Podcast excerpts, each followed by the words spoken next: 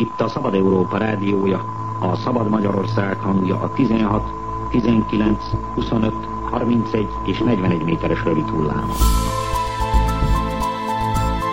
Archívum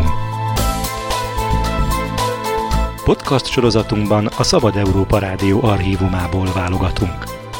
A Müncheni szerkesztőség időtálló korábbi műsorait hallgathatják meg. Az adás felvételének hangminősége változó, ezen lehetőségeinkhez mérten igyekeztünk javítani. Itt a Szabad Európa rádiója, a Szabad Magyarország hangja. Kellemes rádiózást a Szabad Európával!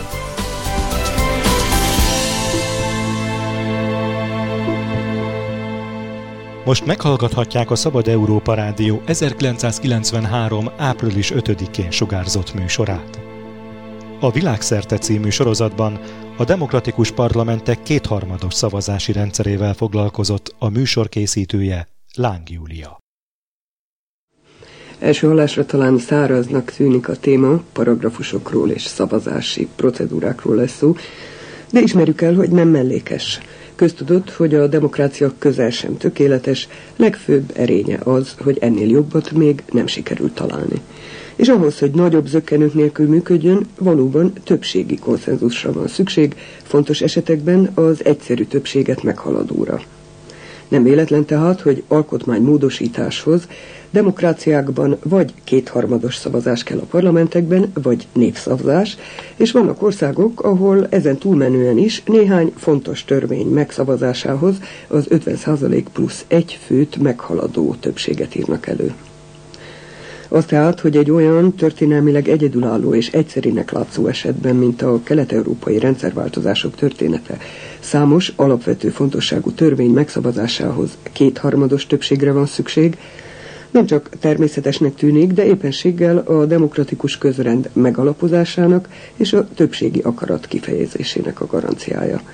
Gyakorlatilag tehát, mivel az új vagy fiatal demokráciák gyorsított iramban kénytelenek kiépíteni egész rendszerüket, amire boldogabb sorsú országokban évtizedek, sőt évszázadok álltak rendelkezésre, ez az átmeneti korszakra jellemző szabályozás hasonló értékű, mint nyugaton az alkotmánymódosítások. Ausztriában minden törvény alkotmányerejű, amit a parlament annak minősít, és túlságosan is sokat annak minősít azért, hogy ne lehessen megtámadni az alkotmánybíróságon.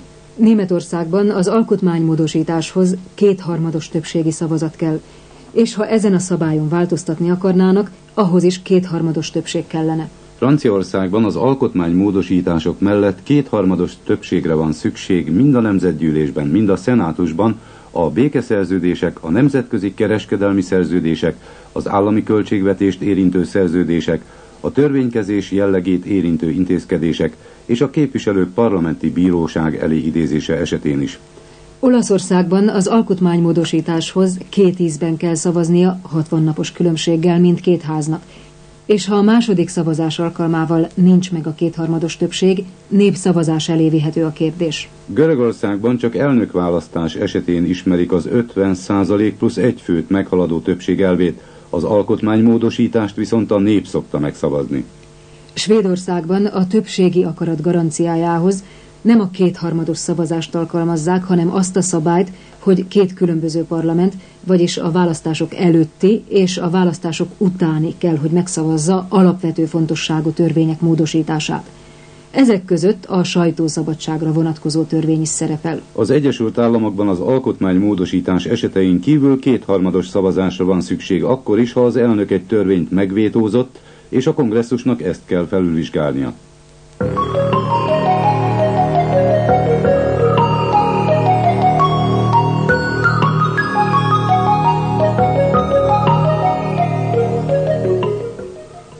Emlékeztetőül érdemes végigmenni azokon a pontokon, amelyek szerint az 1990. június 25-én érvénybe lépett alkotmánymódosítás értelmében a magyar parlament kétharmados többségére van szükség. És arra is érdemes emlékeztetni, hogy ez a több mint 20 törvény lényegesen kevesebb, mint amennyit a békés átmenet nehéz tárgyalásai során az ellenzéki kerekasztal javasolt kétharmadosnak. Az 1990 április végén kötött MDF-SDS megállapodásról, teljesen mindegy, hogy ki mit gondol személyesen, jobbról, balról vagy középről, az egy sorsdöntő korszakban kötött politikai megállapodás volt, amelynek lényeges pontjai bekerültek az alkotmányba, tehát alaptörvényé váltak. A paktum szövegében benne is van, hogy a túlságosan sok kétharmados törvény a kormányzat működését gyakorlatilag lehetetlenné tenné, ezért szűkítették le ezeknek a körét. Idézzük most már a Magyar Köztársaság érvényes alkotmánya alapján azokat a törvényeket, amelyeknek megszavazásához kétharmados többségre van szükség. A jogalkotás rendjét szabályozó törvény. A népszavazásról szóló törvény. A rendkívüli állapot és szükségállapot esetén alkalmazandó szabályokról szóló törvény. A képviselői jogállásról szóló törvény. Az alkotmány megváltoztatása. Az országgyűlés házszabálya. A köztársasági elnök tiszteletdíjáról és az őt megillető költségtérítésről szóló törvény. Az alkotmánybíróság működéséről szóló törvény. Az országgyűlési biztosokról, az ombudsmanokról szóló törvény. Az állami számvevőszék működésének alapelveivel foglalkozó törvény. A veszélyhelyzetben alkalmazható szabályokról szóló törvény. A fegyveres erők feladatairól, valamint a rendőrségről és a nemzetbiztonsági tevékenységgel összefüggő részletes szabályokról szóló törvény. A helyi önkormányzatok működését szabályozó törvény.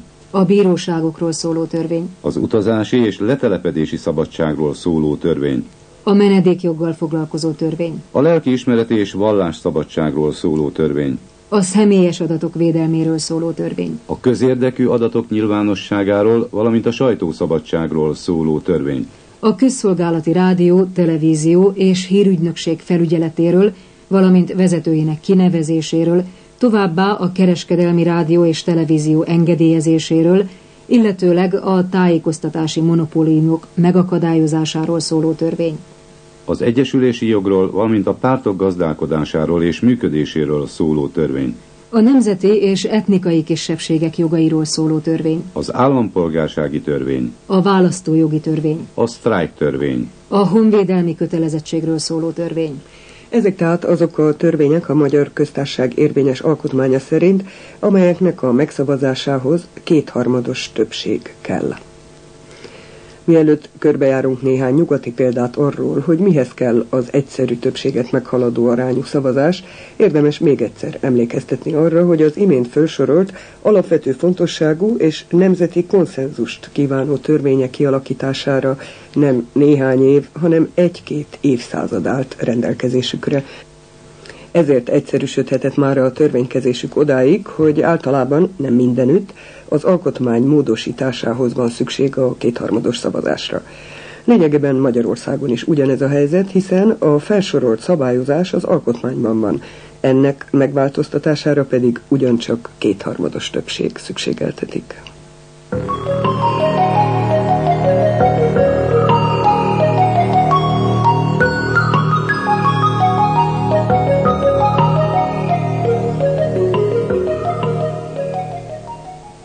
Ausztriában nemhogy nincs vita arról, hogy túlságosan sok lenne a kétharmados törvény, de éppenséggel mindenki ezeket szorgalmazza. Hogy miért, az kiderül Nárai Vilmos tudósításából. Ausztriában egészen különleges helyzete van az alkotmányerejű törvényeknek. Itt ugyanis minden törvény alkotmányerejű, amit a parlament annak minősít, és ehhez kétharmados többség kell. Így fordulhatott elő, hogy amikor a parlament illetékesétől a kétharmados törvények listáját kértem, azt kérdezte, küldök-e teherautót érte. Kicsi hétköznapi módon felfogva a dolgot azt lehet mondani, hogy az osztrák alkotmányhoz ilyen módon rengeteg törvényt, illetve törvény részletet illesztettek, amelyeket csak kétharmados többséggel lehet módosítani. Erre ráadásul a lehetőség is megvolt, hiszen Ausztria 1955 utáni történelmében igen sokszor volt a kormányzó koalíciónak ilyen nagy arányú többsége. Most már csak az a kérdés, hogy miért kell a több tonnányi törvényt alkotmányerejűnek minősíteni. Nos, ennek igen egyszerű politikai okai vannak. Az ilyen törvényeket ugyanis, mivel azok az alkotmány részét képezik, nem lehet utólag megtámadni az alkotmánybíróságnál. Így lett például a taxi koncesziós engedélyek számát meghatározott törvény alkotmányerejű. Ugyanis egy korábbi kiadását az alkotmánybíróság alkotmány ellenesnek hitélte. De egy törvény, amely maga az alkotmány, természetesen nem lehet alkotmány ellenes. A kormányzó szociáldemokrata néppárti koalíció azonban ezen a módon biztosít be bizonyos rendelkezéseket a koalíció felbontása utáni időkre is. Így az SP elérte, hogy az egész iskolákkal kapcsolatos törvénykezés alkotmányerejű legyen. Az ő falpé pedig azt, hogy nélküle a mezőgazdasági törvényt ne lehessen megváltoztatni.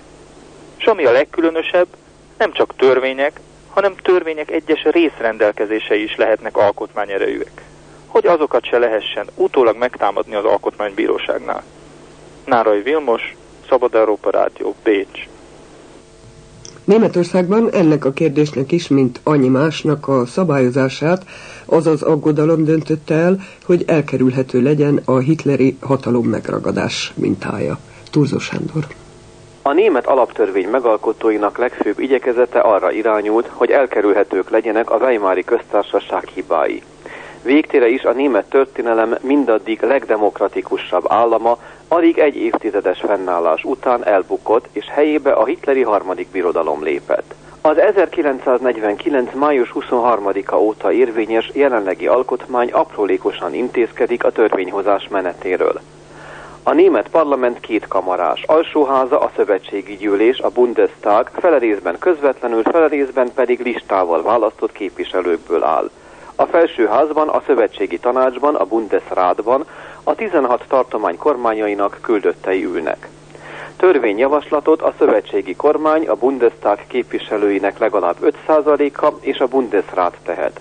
Az állampolgárok közvetlenül nem tehetnek törvényjavaslatot, és a népszavazás intézménye sem létezik országos szinten. A törvények elfogadásához az alkotmánymódosító törvények kivételével elegendő a Bundestag egyszerű többsége. A Bundesrat nem akadályozhatja meg egyszerű törvények elfogadását, csupán tiltakozással élhet. Ilyenkor egy közös egyeztető bizottság fáradozik az egyetértés megteremtéséért.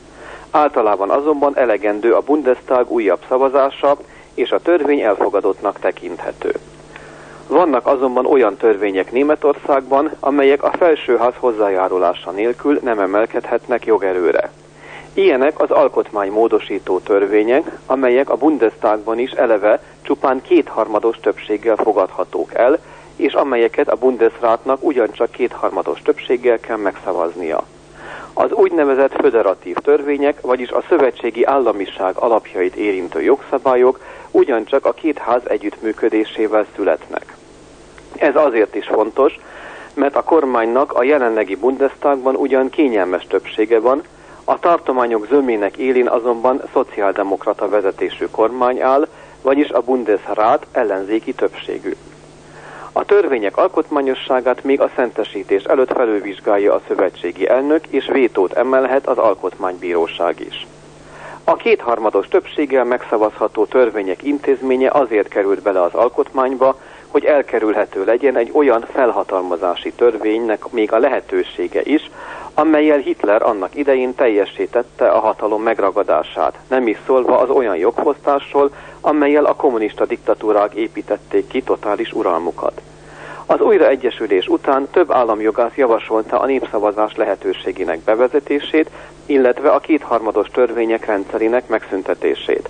Az utóbbi javaslat bökkenője az, hogy csupán kétharmados többséggel lehet elfogadni, hiszen alkotmánymódosítás. Túlzó Sándort hallották bomból.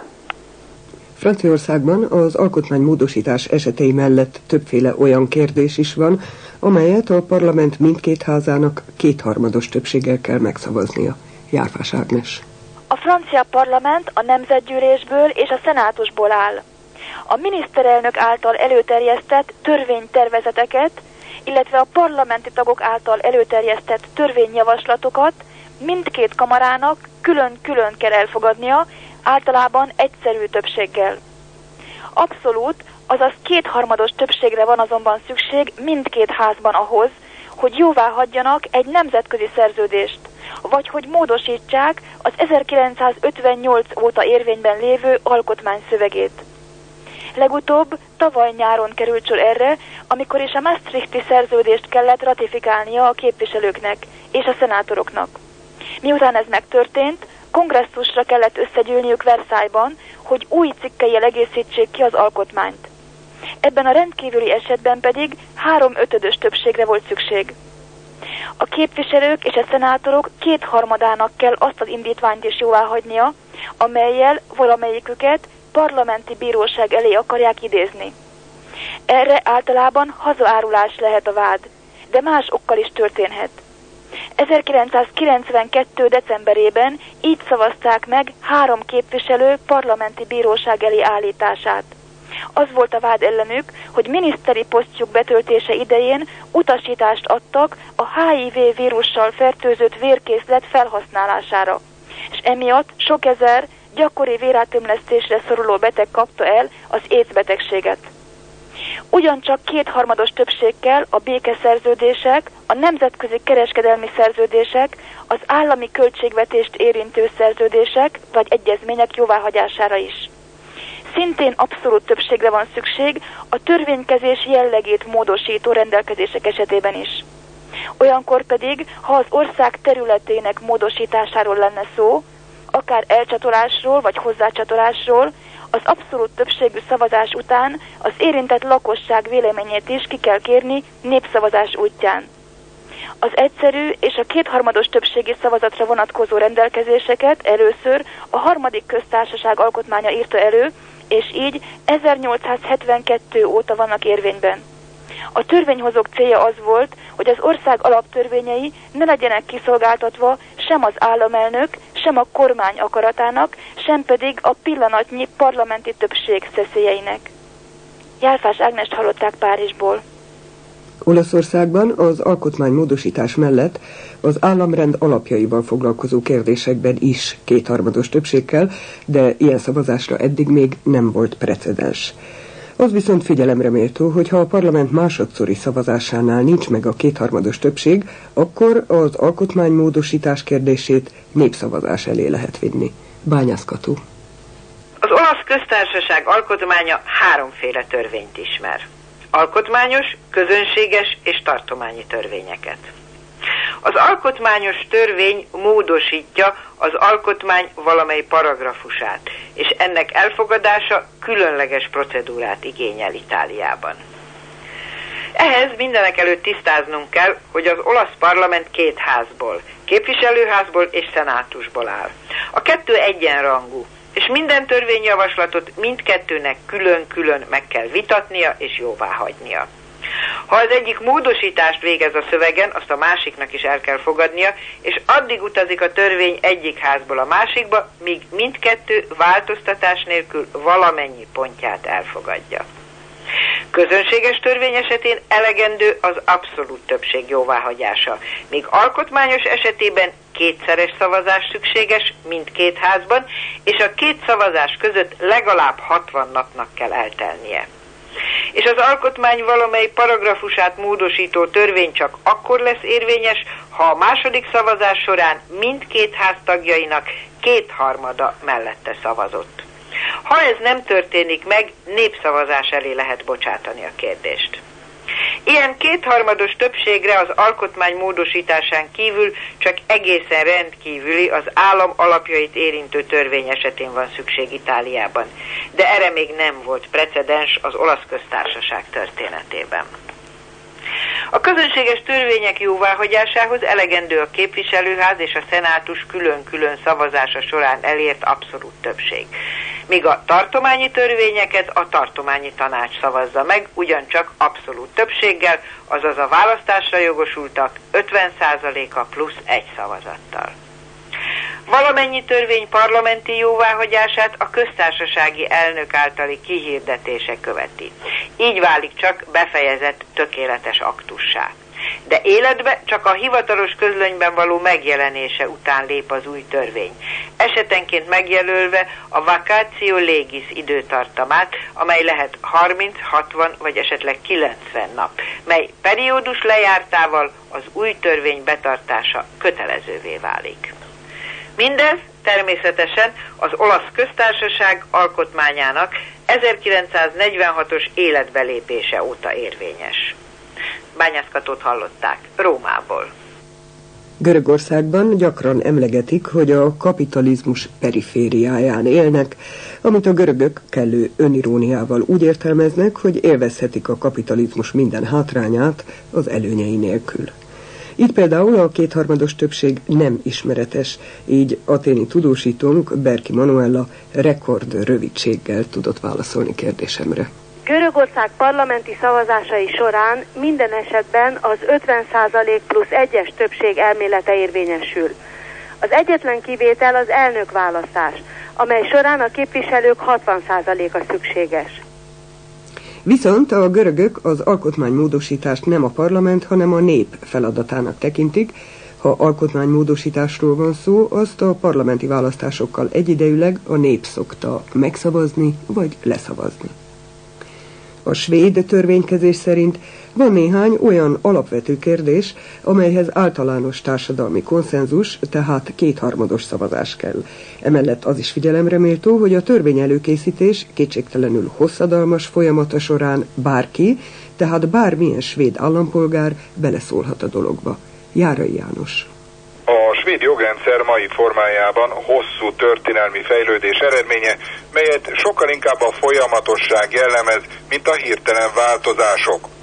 Egyedülálló sajátossága a svéd törvénykezésnek, hogy a 19. század végétől az új jogszabályok, illetve a régiek változtatása a többi skandináv országgal összhangban készült, aminek eredményeképp már a Svédországban, Dániában, Norvégiában, Finországban és Izlandon jelentős a jogi azonosság, különösen a polgári törvénykezés területén. Svédországban a törvényeket előkészítő munka szakértői bizottságokban kezdődik, a kormány, egyes minisztériumok vagy a parlament felkérésére. De a szakszervezetek vagy más érdekképviseleti szervezetek is kezdeményezhetnek törvényjavaslatot vagy módosítást. Ha a javaslatnak politikai vonatkozásai is vannak, a szakértői bizottság rendszerint a különböző politikai pártok, szervek képviselőiből áll össze. A bizottság vizsgálati eredménye az illetékes minisztérium jogi osztályához kerül, és mellesleg hivatalos közleményben is megjelenik. A minisztérium kiküldi írásos véleményezés céljából ezt az érintett szervezeteknek, és ebben a fázisban az állampolgároknak is joga van a betekintésre, mi több, a véleménymondása. Mindezek összegzése után a miniszter vagy a kormány állást foglal és beterjeszti a törvényjavaslatot az országgyűlés elé. A parlament állandó bizottságainak is vannak szakértői, és ezek meghallgatása után készül el a parlamenti bizottság javaslata, amiről aztán a képviselők egyszerű többséggel szavaznak. Mint az az elmondottakból is kiderül, a svéd törvénykezés demokratikus sokféle fórum meghallgatása után döntő, ám igen hosszadalmas procedúra eredménye. Ezért fordulhat elő, hogy mire egy törvényjavaslat szavazásra kerül, két-három év is eltelik, és az idő túlhaladta az egészet. Négy organikus, azaz alkotmányos törvénye van Svédországnak, amire az elmondottak nem vonatkoznak. Ez a négy organikus törvény a kormányzás rendje, a trónöröklés rendje, a sajtószabadság és végül a kifejezési szabadság törvénye. Ezek alapvetően abban különböznek a többitől, hogy megváltoztatásukhoz különleges szabályok kellenek. Svédországban nincs kétharmados törvény, az egyszerű többséggel elfogadottakhoz képest az alkotmányos változtatáshoz két különböző parlament azonos döntése szükséges.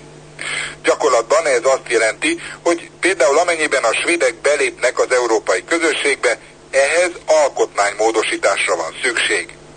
Ez úgy történik, hogy 1994 tavaszán egyszer szavaz a parlament, majd az őszi választások után az új parlament másodszor is szavaz ugyanarról a kérdésről, és az alkotmánymódosítás akkor lép életbe, ha mindkét testület igen mond egyszerű többséggel.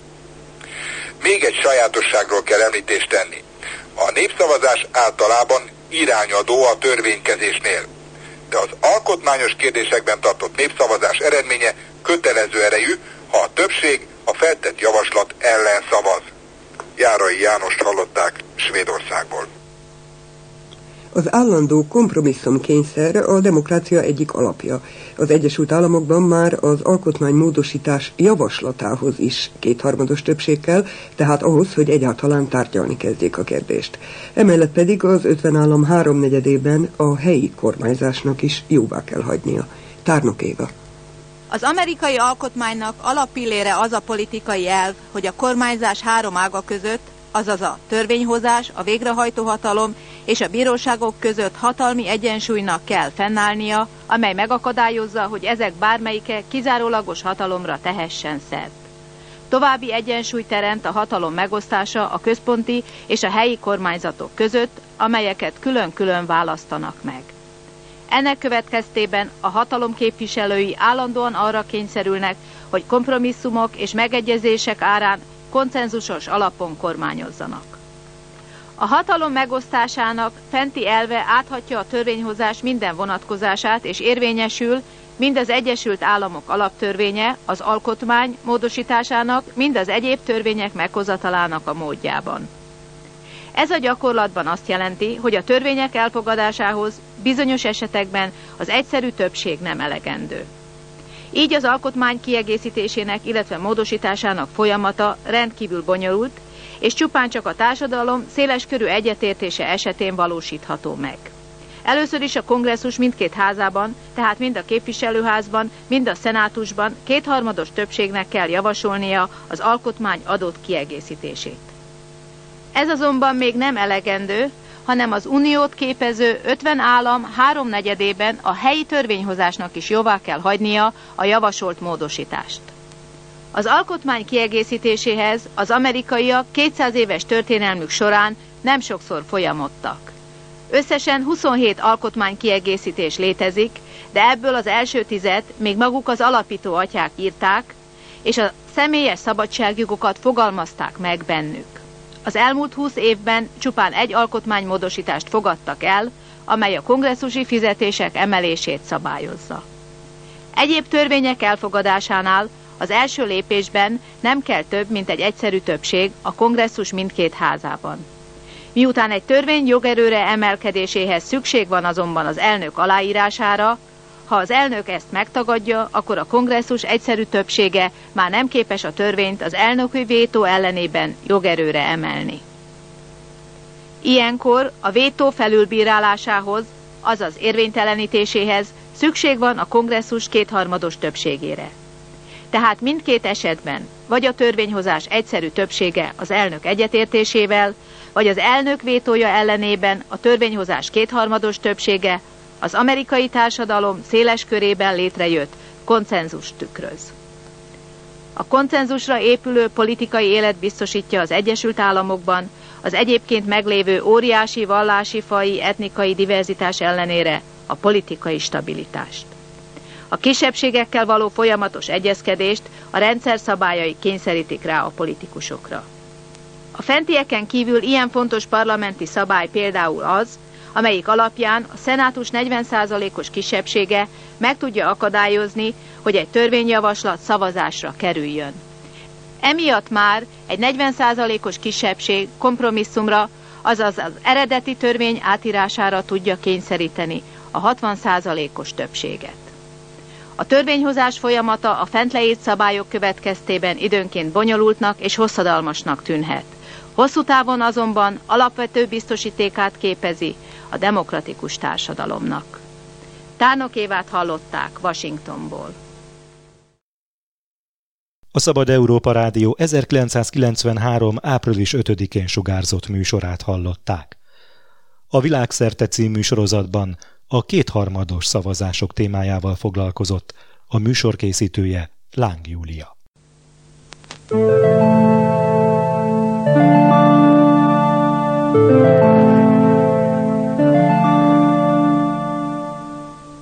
Az eredeti felvételt az Országos Széchenyi Könyvtár történeti fénykép és videótára őrzi és bocsátotta rendelkezésünkre. Thank you.